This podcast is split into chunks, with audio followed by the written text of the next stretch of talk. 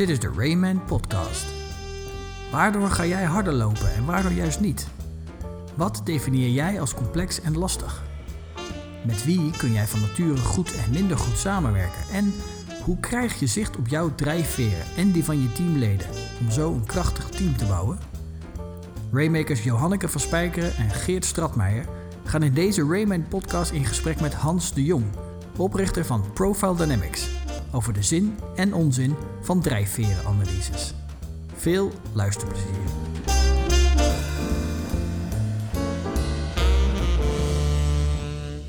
Dag allemaal. Welkom bij de nieuwe podcast van Rayman. Geert, goedemorgen. Goedemorgen. Welkom. Fijn dat je er weer bent. Dank je. Ja.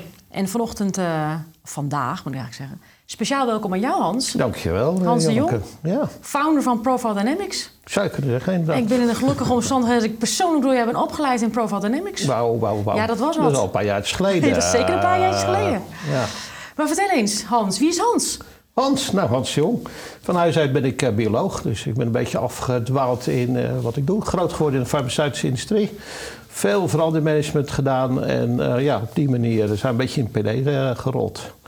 Dus eh, wat ik zag gebeuren, dat ik kon mensen best motiveren, maar niet iedereen. En op een gegeven moment ja, maar waar wil die mensen toch niet mee?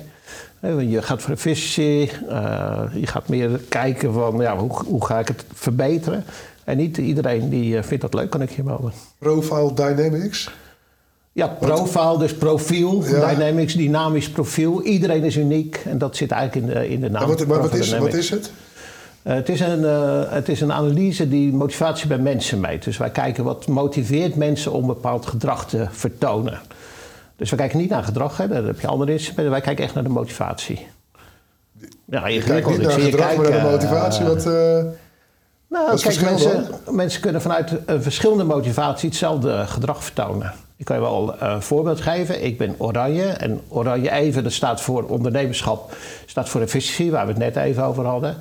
Maar als ik sta te trainen, dan leg ik alles heel netjes neer, dus heel gestructureerd. En dan zeggen mensen, blauw, structuur, eh, organisatie, planning en controle, dus blauw. Dan zeggen ze, je zal vast wel blauw zijn. Nee, ik ben niet blauw, maar ik wil dat het er goed uitziet. Snap je? Dus mijn motivatie is, het moet er goed uitzien. en dat geeft Maar hetzelfde het gedrag als- uitzicht in georganiseerd zijn en eh, ja, goed eruit laten zien, zeg maar. Dus en dat de- zeggen ze als blauw, maar dat is niet waar natuurlijk. Dus Profile Dynamics is eh, een, een, een motivatieanalyse. ja, ja. En, dat, en, en, en ik hoor oranje en ik hoor blauw. Ja, ze Je bent een kleuren. kleurentestje. Ja. Ja. Het is gebaseerd op de theorie eh, van Claire Graves. Ik weet niet of je die, eh, of je die kent. Toevallig, ja, Ja. Maar voor mensen die het niet... eh, Nee, dan zal ik dat even uitleggen. Wat hij zegt is dat je bepaalde motivatiepatronen ontwikkelt in de tijd. Naarmate de omgeving complexer wordt, dan moet je op adapteren, hè, want anders, anders kan je niks meer. En dan ontwikkel je een nieuwe drijfveer of een nieuwe motivatiepatroon. En zo zie je dat dat een eh, soort hiërarchisch systeem is, waar mensen veel steeds complexere motivatiepatronen gaan. eh, moet ik even kijken hoe we dat eh, zeggen, ontwikkelen. Oké. Dus, dus jij hebt een test ontwikkeld. Ja, wij spreken van analyse. Hè? Een analyse, Ja, want wij zeggen het is Ja. niet goed of fout. Hè? Dus als je een test zegt, Ja, dan, heb je, dan zit er een score Ja, dan aan. zit er een- zit er een score aan, dat Dus je hebt een analyse ontwikkeld. En die geeft uiteindelijk een, een, een weergave van hoe jij gemotiveerd bent. Of, je gebruikt drijfveren en motivatie door elkaar heen. Of bedoel je hetzelfde? nou, een drijfveer is eigenlijk een motivatiepatroon. Dus daar zit een, een, Een drijfveer is een motivatiepatroon. patroon. Ja. Dus in een drijfveer zitten meerdere motivaties. Meer gedragingen. Meer gedragingen. Ja, dus vanuit één drijfveer kan je verschillend gedrag vertonen. En wat ik al zeg, vanuit verschillende drijfveer kan je hetzelfde gedrag vertonen. Dat maakt niet uit. Maar dat is heel complex in de, eh, inderdaad, daar heb je gelijk in. En, wat, en, wat, en wat heb je daaraan? Nou, het geeft heel sterk weer van wat motiveert mensen. En daar kan je in de werksituatie natuurlijk eh, mooi op aansluiten. Dus wat wij altijd zeggen, probeer nou op die onderlaag, op die motivatie aan te sluiten als je iets voor elkaar wil krijgen. Ja. Ehm, en niet direct op dat gedrag. Want het gedrag dat is eigenlijk die bovenlaag. En wij kijken echt naar die, naar die motivatielaag. Dus dat is wezenlijk, eh, wezenlijk anders. En wat heb je daar? Ja, eh, we meten ook wat wij noemen weerstand. Hè? Dus we kijken niet alleen wat motiveert mensen, maar we kijken ook waar hebben ze, waar hebben ze moeite mee. Nou, je Ja. kan je voorstellen wat de ene laat zien vanuit diezelfde motivatie, de andere heeft daar moeite mee. Ja, dat kan spanning geven en daar kan je over praten. Oké, dus je gebruikt het voornamelijk om in teams eigenlijk zichtbaar te maken wat er is. Ja. Of bij een organisatie of bij mensen? Ja. Of gewoon... Hè, Ja. waar, waar zet je het meeste in? Nou, Individueel veel- of op teamniveau? Nee, Of, eh, alles eigenlijk. Alles eigenlijk. Dus we doen individueel, we doen teams, teamoptimalisering, maar ook conflictmanagement, maar we doen change management, dus organisatieverandering. Kijk, jij kan wel ergens naartoe willen, maar als de mensen niet gemotiveerd zijn om die stappen te maken, zeg maar, ja, dan gaat het natuurlijk niet werken. Dus, dus nee, het is heel breed. Is Hmm. En, en, hoe, en hoe ben je, want ik, ik, ken, ik, ik ken Profile Dynamics natuurlijk ook, maar ik ken ook DISC en ik ken ook eh, MBTI. En ik ken, eh, we noemen het ook vaak wel eens, god, er is weer iemand een kleurtje. Ja, ja. Hoe, hoe, hoe, hoe ben jij erop gekomen om dit te doen? En, en eh, waarom is eigenlijk dit dan... want ik neem aan dat jij dit bent gaan ontwikkelen. omdat je niet gelooft... of hè, dat je anders denkt over een DISC of een MBTI of wat dan ook. Anders had je dat gewoon kunnen gebruiken. Dus Nou, kijk, vanuit waar ben je dit gaan ontwikkelen? En wat is dit nou anders dan andere? Ja, nou die andere zijn, dat zijn eh jongtypologieën. Dat zijn allemaal typologieën. Zoals Insights, dan val je in een, een, vakje. Dat is wel een heel goed systeem, moet ik zeggen. Als, als, van Ja. Jung, zeg ja, maar. Van Jung, Ja, van de psycholoog eh, Jung, exact, zeg maar. Eh, en wat wij hebben, wij hebben unieke profielen. Dus, dus wat je zegt, we hebben weliswaar zeven drijfveren. Maar de combinatie van die drijfveren, die maken wie jij bent. En natuurlijk, op het moment dat het profiel identiek is dan een ander... dan krijg je bijvoorbeeld bij ons hetzelfde rapport. Maar dat gebeurt bijna nooit. En elk profiel is uniek en elk mens is uniek. En dat is precies waarom, het, waarom wij houden van dit systeem, eh, zeg maar. En, dat, en dat heb je bijvoorbeeld bij MBTI heb je dat niet. Nee, minder. minder. Bij Omdat MBTI het- heb je bijvoorbeeld die, eh, die lettersystemen. Ja. eh, die, ik geloof even uit hoofd acht. Ja. Vier, eh, vier duo's, zeg maar. ENFP zit Ja. Ja, kijk, dat bedoel ik al. Nou, daar haal je wel heel veel uit in de zin van... ben je introvert, extrovert?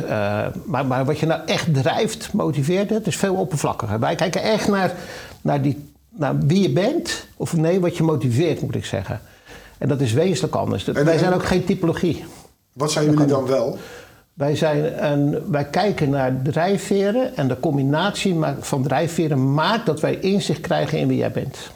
Dat is feitelijk waar het eh, om gaat. En, en, als, en, en die, die anderen zijn dan op Jung eh, Ja. ge- ge- geïnspireerd Ja. of ge- gefundeerd eigenlijk. Ja, dat klopt. Waar, waar is, waar is eh, Dynamics op Ja, gefundeerd? Graves, wat ik net zei, die Claire Graves, die dus zegt, nou, je ontwikkelt dat soort patronen in de tijd, in de evolutie. En wat je trouwens ook zegt, dat we dat steeds sneller doen. Oké, Dus we hebben de drijfveer paarse, dat gaat om vertrouwen, gaat om, om traditie, maar gaat ook om identiteit. Dat hebben, weet ik, eh 300.000 jaar ontwikkeld en daar hebben we 40, 50, 60.000 jaar over gedaan.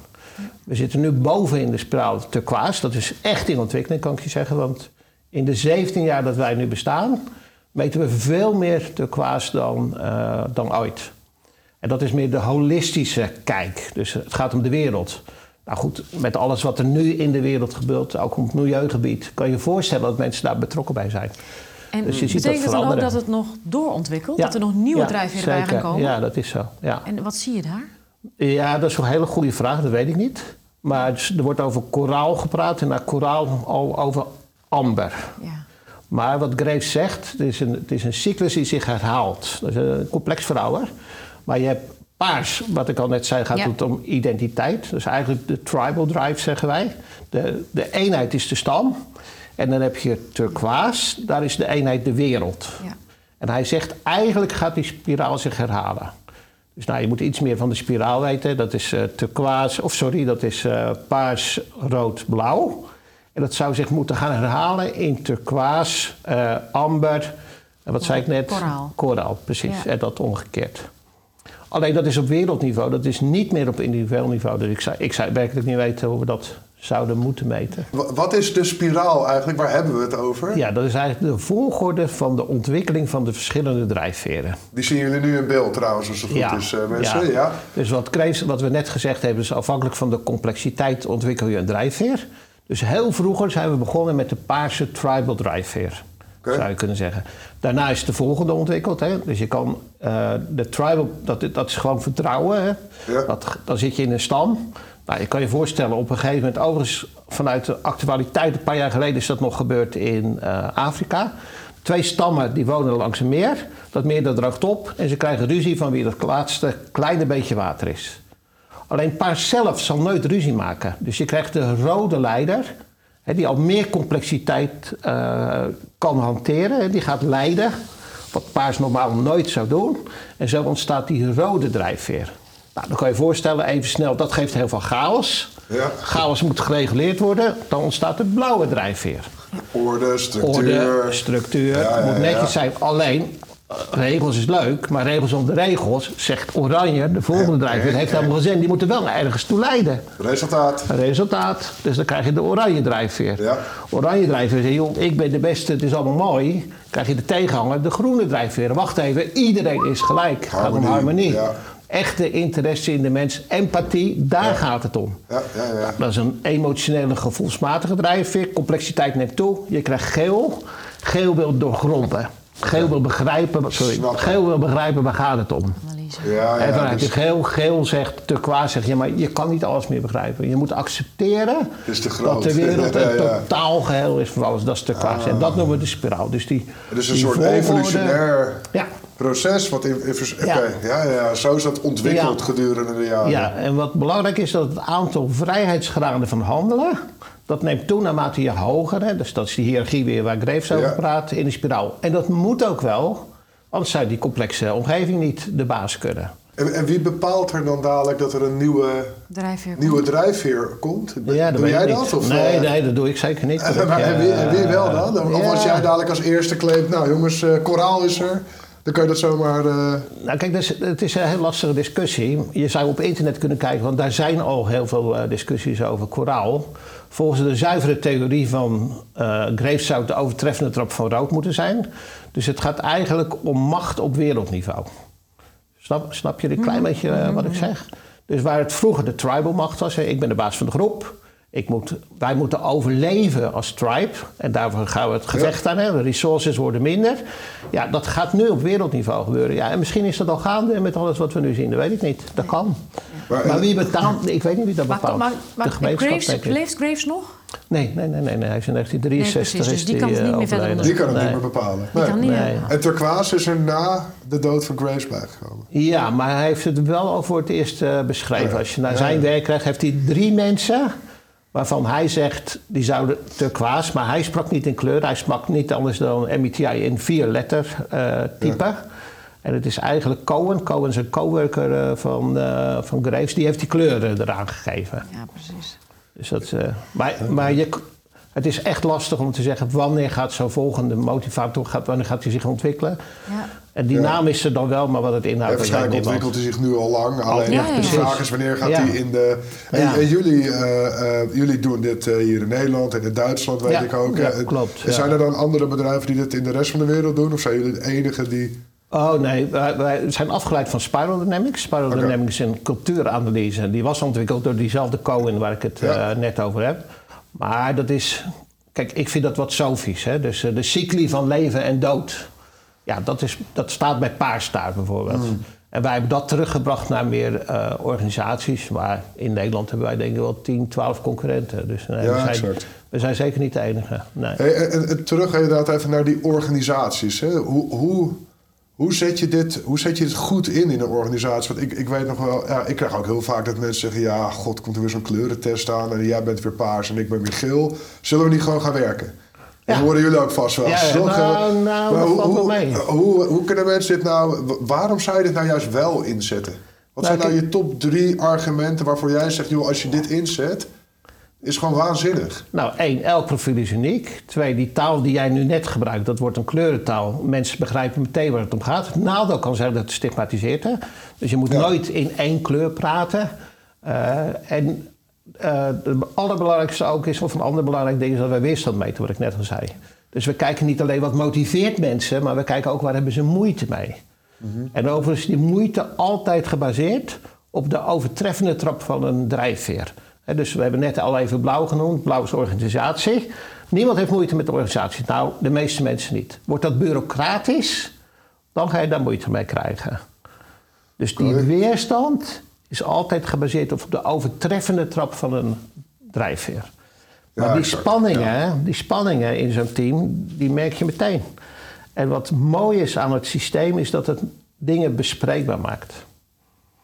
Ik heb zelf ooit eh outplacement gedaan met, eh met eh, drijfveren.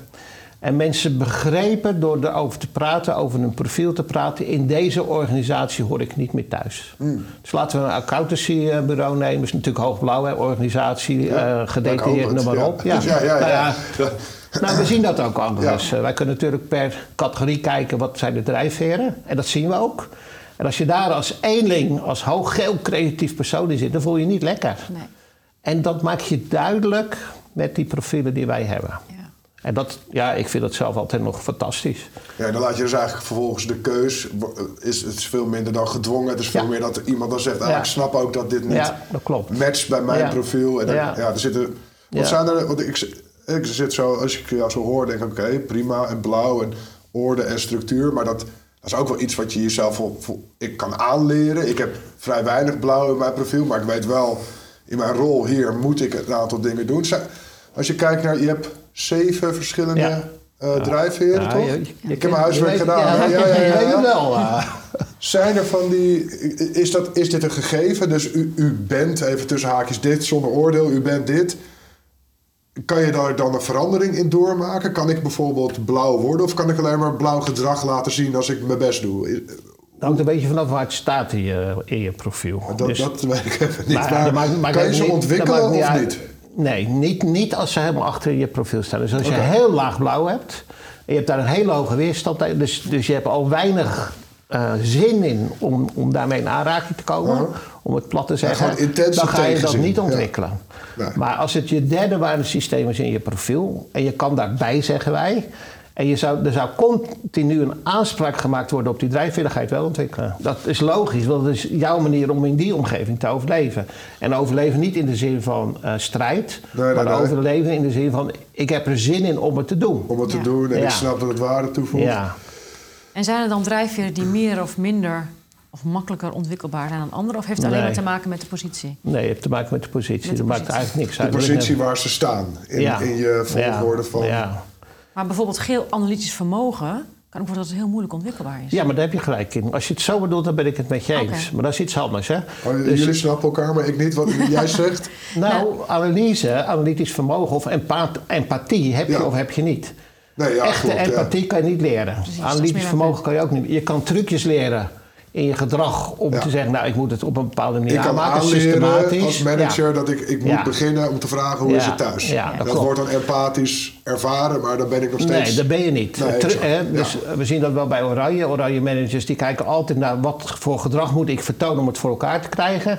En die kunnen dan zeggen, joh, het gaat hartstikke goed eh, bij iemand. Of laten we zeggen, iemand is ziek. En dan zeggen ze, hoe is het, eh, ben je al bij de dokter geweest? Maar ze zullen nooit zeggen, ga maar naar huis. Want dat, dat kost gewoon centjes, dat zijn uren, ja, snap je? ja. Dus ze, ver- ze vertonen groen, empathisch gedrag. Maar ze, ze hebben de echte empathie niet. En dat- Janneke, je hebt daar gelijk in. Want die trucjes, die zitten in de hogere drijfveren. Dan is die, die omgeving is zo complex geworden. Ja. Dan, dan moet je inherent moet je, eh, adapteren. Dat is moeilijk gezegd. Maar bijvoorbeeld rood, hè? dus eh, meer assertief gedrag. Ja. Eh, en dat leren, hè, feedback geven. Nou, hoeveel training hebben we niet in duidelijk feedback geven? Voor jezelf opkomen. Of bij blauw, planning en, training, planning en control. Dus bij die lagere drijfveren kan je dat nog wel leren, meer, maar bij die hogere niet. Je zegt lagere drijfveren. Die lager in de spiraal zitten. Ik, ja. Ja. jullie hebben het al een paar keer Ja, over een sorry. spiraal. Ja, Ik, eh, ja, wat ja. is de spiraal? Ja, dat is een goede, een goede vraag. Wat Graves zegt, en dat is in Nederland eigenlijk not done, maar het is een hiërarchisch systeem. Oké. En een hiërarchisch systeem dat is een spiraal, dat begint bij paars, en dan krijgen we rood, dan krijgen we blauw. En de Oh, complexheid, heb ik net al gezegd, die neemt toe. En hij zegt, ja, dat gaat naar boven toe. En wat hij verder zegt is de laatst ontwikkelde drijfveren. Die hebben begrip voor de eerder ontwikkelde drijfveren, maar andersom niet. Ja, dus je zei turquoise snapt, het komt uit paars. Hij Ja. is eigenlijk de overtreffende trap van paars. Ja. En daar krijgen we rood en daar komt eh, koraal. Als het Ja, is. ja, als je naar de ja, gaat. de Maar daar praat ik nu niet over. We hebben die zeven waardesystemen. Dan heb je, eh, dan heb je paars, rood, blauw, oranje, groen, geel, turquoise. Ja. Dus op dit moment is turquoise de laatst ontwikkelde drijfveren. Ja. En wat Graves zegt, turquoise overziet alle andere drijfveren. Ah, zo. Maar paars, andersom, kan dat niet doen. Nee. En dat heeft met die complexiteit te maken. Als je nu overleeft in onze wereld, dan overzie je wat er gebeurt. Als jij in een stam zit en je bent volledig afhankelijk van wat er in de buitenwereld gebeurt, of van de stamleden, ja, dan heb je, heb je die ruimte helemaal niet. Die ruimte. Maar dan Nee. nog wel een ander punt, hè? want als je dat zo zegt, je zult maar hoogpaars zijn. Daar is niks mis mee overigens. Voor mij mogen meer mensen paars zijn. Ja? Ik kan me voorstellen dat je denkt, ik overzie dan de andere drijfveren niet. Nou, je bent nooit alleen Heel paars overigens. Heel even, want wij, wij praten hier eh, de, hoog paars. Even snel, wat is paars? Waar staat paars voor? Paars, uiteindelijk staat paars voor identiteit. Voor vertrouwen, eh, voor, ook voor traditie. Oké, Maar je moet je voorstellen, dus de tribal drive, hè, dus je bent volledig afhankelijk van elkaar. ja. En dat, daar gaat het om. Ongeschreven regels, weten hoe het moet gebeuren. Dus het goede, even dan het goede van paars is eh, tradities, eh, eh, zorgen voor eenheid, hoor ik, de stam, dat soort dingen. Ja, En ja. wat, is, wat, is, wat zou het, wat jij had het net over weerstand, ben ik, wat, wat is de, wat is, Dogmatisch. Het gaat altijd op dezelfde manier, zeggen we. Dogmatiek. Dat Sleur. zou, eh, ja, starheid, eh, sleur. Niet eh, veranderen. naïviteit, Ja. niet willen veranderen, dogmatiek. Oké, Ja. check. Nu weer terug Ja. naar de vraag, ja, want dan snapt iedereen wat paars Ja, inhoudt. ja. dat is paars inderdaad. Maar goed, terug naar Jan. Nee, ik denk dat paars hoog toegevoegde waarde hebt als je kijkt naar identiteit en cohesie. Dus op het moment dat paars laag zou zijn in een groep, heel laag, ja, dan is die cohesie die is ook laag. Maar de wereld is doordrenkt van paars. Paars is eigenlijk de, de geloofsdrive, de, de overtuiging, snap je? Maar ik kan me wel voorstellen, als je paars hebt, dat je dan weet hoe die spiraal wat je denkt. Ik overzie heel veel niet. Dat ja, je maar je hebt misschien... nooit paars, hè? Dus je hebt nooit alleen paars. Je kan bijvoorbeeld paars en turquoise kan prima naast elkaar voorkomen. Of turquoise ja. paars. Ah, kijk, dus dat is wel even belangrijk om te weten Ja. dat het heel erg in de nuance Ja, zit. het zit in de nuance. En is er dan eh, dat jij zegt, als we het hebben over, hè, je hebt het ook een paar keer over leider, dan leider dit en dan leider dit. Is er een eh, ideaal profiel voor een leider te Nee, bepalen? nee. Waarom nee? Omdat het afhankelijk is van de omstandigheden. Dus je kan dat niet zeggen. Eh, ga maar even terug naar die tribal drives. Daar had je nog de, de charismatische leider, de shaman. Volledig andere leider dan, laten we Trump nemen. Snap je? Of nou, kijk nu maar naar de verschillende leiders die we hebben. Die, die hebben allemaal eigen profielen, hele eigen aanpak. Dus de situatie bepaalt in hoeverre leiderschap effectief is, ja of Maar er zijn, er zijn denk ik wel toch bepaalde drijfveren meer geschikt voor leiding geven dan andere drijfveren, of Nee. niet? Ik bedoel, een Nee. eh, Nee, knalgele, zweverig, ik ben alleen maar concepten aan het bedenken, daar word ik niet vrolijk van. Nee, maar goed, kijk, als de omgeving geel is, dan zou coachend leiderschap zou een goede vorm van leidinggeven zijn. Want gele mensen begrijpen waar het om gaat, zijn vaak eh, deskundig op het terrein waar ze werken. Dus als jij daar gaat roepen wat ze moeten doen, dan werkt dat niet. Nee. Maar in een productieomgeving waar er gestandaardiseerd volgens bepaalde normen moet gewerkt worden, als dat afwijkt, dan moet jij wel zeggen: ja, maar luister even, zo werkt het niet. Dus afhankelijk van eh, de omgeving waarin je werkt, moet je je leiderschap aanpassen. En dat is precies hoe het werkt. Je moet dus aansluiten bij de motivatiecultuur van de groep aan wie je leiding geeft. Even nog eh, terug naar eh, het inzetten van Profile Dynamics eigenlijk in het bedrijfsleven. Hè? Want ik snap heel goed dat dit op individueel vlak, dat je hier als persoon ook van alles aan Ja. hebt voor je eigen reflectie. En oh, zo werk ik kennelijk. En Ja, ja. ook trouwens hartstikke leuk voor jullie ook thuis om dit een keer met je partner te doen. Want het zal Ja, dat- heel- dingen duidelijk dat- dat doen heel veel mensen, Hartstikke je leuk. melden, ja. Maar nou even terug naar het, het bedrijfsleven. De- hoe zet je dit nou echt als, als, als bedrijf zijnde? Waarom zou je dit nou wel inzetten? En, en wat is ook aan de andere kant het afbreukrisico van het inzetten van Profile Dynamics? Eh, wat heel lastig is aan jouw vraag, is dat wij een middel zijn. We zijn geen doel. Dus er is al een vraagstelling op grond van waarvan je het product inzet. En dat weet ik niet. Dat kan coaching zijn, dat kan conflictmanagement zijn, dat kan leiderschap zijn. Of dat kan, wat ik net al zei, verandermanagement zijn. Kijk, op het moment dat jij weet dat mensen bijvoorbeeld eh, heel sterk gemotiveerd zijn naar, organis- naar organiseren, naar procedures. Maar jij vindt dat de resultaten achterblijven. En ik heb het even over de financiële resultaten. Ja. Dan kan je wel vinden met die groep dat die veel meer oog moeten hebben voor dat geld en die efficiëntie. Maar als ze niet vanuit hun motivatiepatroon die motivatie hebben, gaat je dat nooit lukken. En zo kijken wij dus naar groepen en naar organisaties. Ja, exact. Maar eigenlijk, als je, eigenlijk heb je als, als leider of leidinggevend team van een organisatie... heb je altijd een opdracht. Hè? Je, hebt altijd, je moet altijd een change gaan doen of er moet altijd bezuinigd Er is Oh, altijd, nou, daar ben ik niet met je eens. nee, maar er is altijd een context van een bedrijf. Want een bedrijf is altijd bezig met het realiseren van een opdracht in Ja. de maatschappij. Ja. Dat kan op dit moment zijn een verandering of een bezuiniging... of juist stabilisatie. En de I don't know, er is altijd iets. Ja, En eigenlijk heb je contextafhankelijk, zou je dus altijd Profile Dynamics in kunnen zetten Ja, voor het vervullen zo. van die opdracht. ja, dat is zo. En hoe zetten ze dat dan goed in? Ik snap dat het altijd aan de context ligt, maar wa- maar waar kijken ze dan naar? naar de combinatie van de drijfveren in een team of in een organisatie. Dus uiteindelijk, wij meten altijd individuele drijfveren. Dus het gaat om individuen. Die combineren we. Dan krijg je bijvoorbeeld een cultuursdrijfveer, maar het is gewoon een optelling van Oké, individuele dus j- jullie kunnen dat eventjes voor de, mij te begrijpen, jullie kunnen dat samenvoegen. Ja. Dus ik krijg Ja, een, ja, dat want klopt. ik begrijp, ik heb zelf ook dit gedaan, dan krijg ik een rapport thuis. U bent, hè, u bent, u heeft dit. U heeft u dit. heeft, sorry, Ja, ja, goed, me al. U heeft dit profiel. Maar jullie, je zegt, wij kunnen ook dan kijken in het team van een mannetje of weet ik veel, is dat, zit er een limiet aan? Nee, Of- er zit geen Oké, limiet dus aan. aan het mannetje van ja. 20, dan heeft het team gezamenlijk dit profiel. Ja, kijk, als, ja, dat klopt wat je nu zegt. Dus laten we zeggen dat de meeste individuen in een team hoogblauw zijn. Ja. Dan heb je als cultuur de blauwe normerende. En normerend niet in de zin van goed of fout, maar wel van dat ze een duidelijke, vaste eh, manier van handelen hebben. Dat zit in dat team. Dat houdt ook in dat de veranderingsbereidheid, zeker als daar paars tegenaan zit, ja, die zal niet heel hoog zijn. Die zal niet Exact. hoog zijn. En daar kan je mee werken Dus zo kan een, een leidinggevend team, of eigenlijk gewoon een organisatie, of ze nou leiders zijn of niet. Hè? Je kan ook met, met een team kijken van Ja. hey, wat zit er nou in ons ja, team. ja, En als ze dan weten als teams zijn, hè, ik noem maar even een autonoom team, en ze weten hey, we moeten van A naar B, maar we hebben hoog blauw, hoog paars. ja, Dan weten ze dat ze een, een redelijk grote uitdaging hebben op een verandering. absoluut. En dan kunnen ze daar ook aan organiseren. Dan kunnen ze misschien mensen aantrekken. Of kunnen ze bewust hè, stap voor stap op zijn blauws, om het zo maar Ja, te nou ja, zeggen. goed, dan heb je twee mogelijkheden. hè. Wat we net al zeiden, in dat midden van dat profiel is ontwikkelpotentieel. Ja. Dus ik zou niet meteen zeggen van eh, ze moeten weg. Ze we moeten weg, weer nee, of je bent ja, Stap nee, 1 is zo. wat is ontwikkelbaar binnen die groep Ja. op grond van wat de vraag is. Maar goed, ik kan je een heel ander voorbeeld geven. We hebben natuurlijk de zorg gehad. Hè. Zorg is eh, overwegend groen natuurlijk zorg. Ja. En blauw organisatie. Je wil niet dat eh, je verkeerde been afgehakt wordt. Ja. En op een gegeven moment zijn de verzekeraars hebben een steeds grotere rol gekregen. Het moest allemaal efficiënter. Nou, dat is, eh, dat is heel ver door georganiseerd. Hè, met, met, met die diagnose, wat is het ook alweer, DB, nog wat, maakt niet zo heel veel uit. En toen heb je vanuit de belendende organisaties, met name vanuit Unilever, de toeleveranciers, heb je oranje, ehm, rood-gele managers gekregen. Op, een, op grote blauw-groene groepen. Dat gaat niet werken.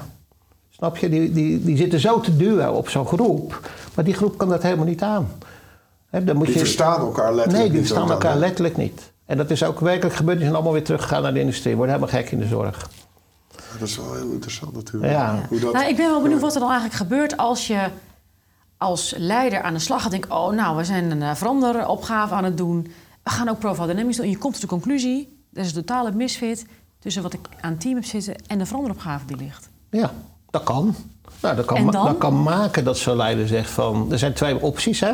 Is het team niet al te groot, dan zou ik zeggen van... Wat kan ik ontwikkelen in het team en hoe past zich dat aan? Ja. Maar heb jij 30 man en dat matcht niet goed...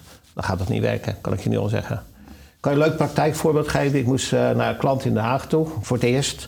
Acquisitiegesprek. en eh, ik kom binnen. Die man had drie vragen aan mij. Hij zei, tjak, tjak, tjak, tjak.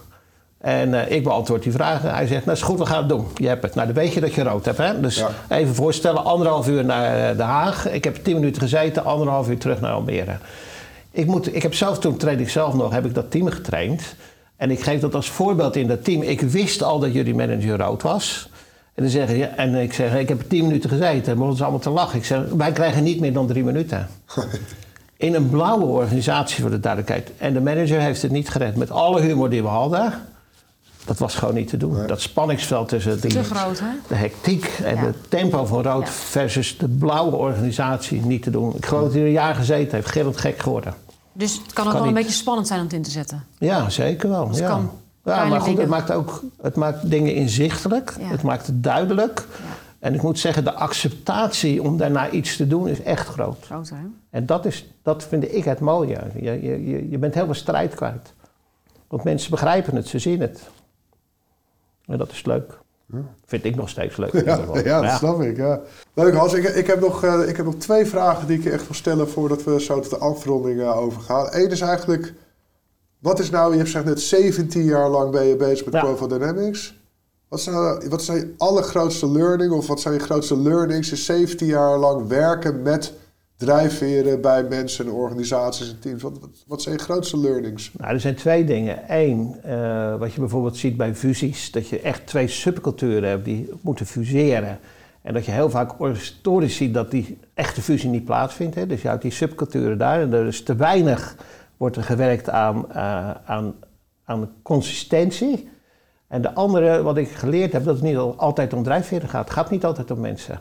En wat ik daarmee wil zeggen is dat systemische procesfouten in een organisatie heel vaak leiden tot conflicten op de werkvloer. Maar dan gaat het niet om de mensen. Het systeem waar langs ze werken is niet goed.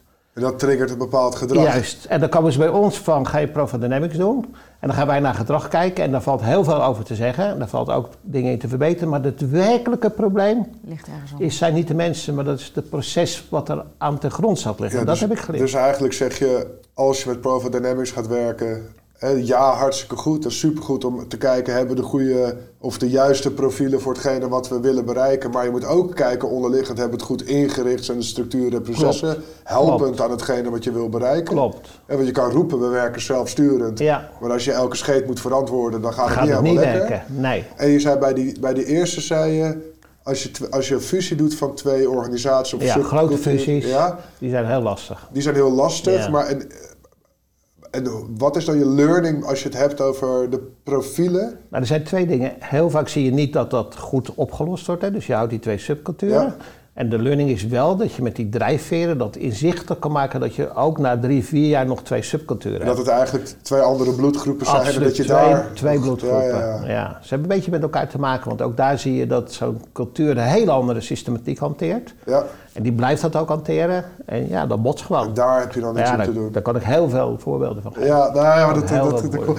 En als allerlaatste dan, en dan, eh, dan gaan we echt naar de afronding toe. 17 jaar lang eh, werken in, Ja. in een vak zorgt er ook voor dat je ergens wel gewoon een hele grote fuck-up hebt gemaakt een keer. Iedereen maakt fouten. Ja. Heb je er nog eentje die eh, een lekkere juicy one eh, waar we wat van kunnen leren? Nou ja, ik zit erover na te denken. Maar ik heb me wel een keer vergist bij een grote klant waar ik naartoe moest. En we, we- moesten daar gaan praten. En dat ging ook over concurrentie, toegevoegde waarde.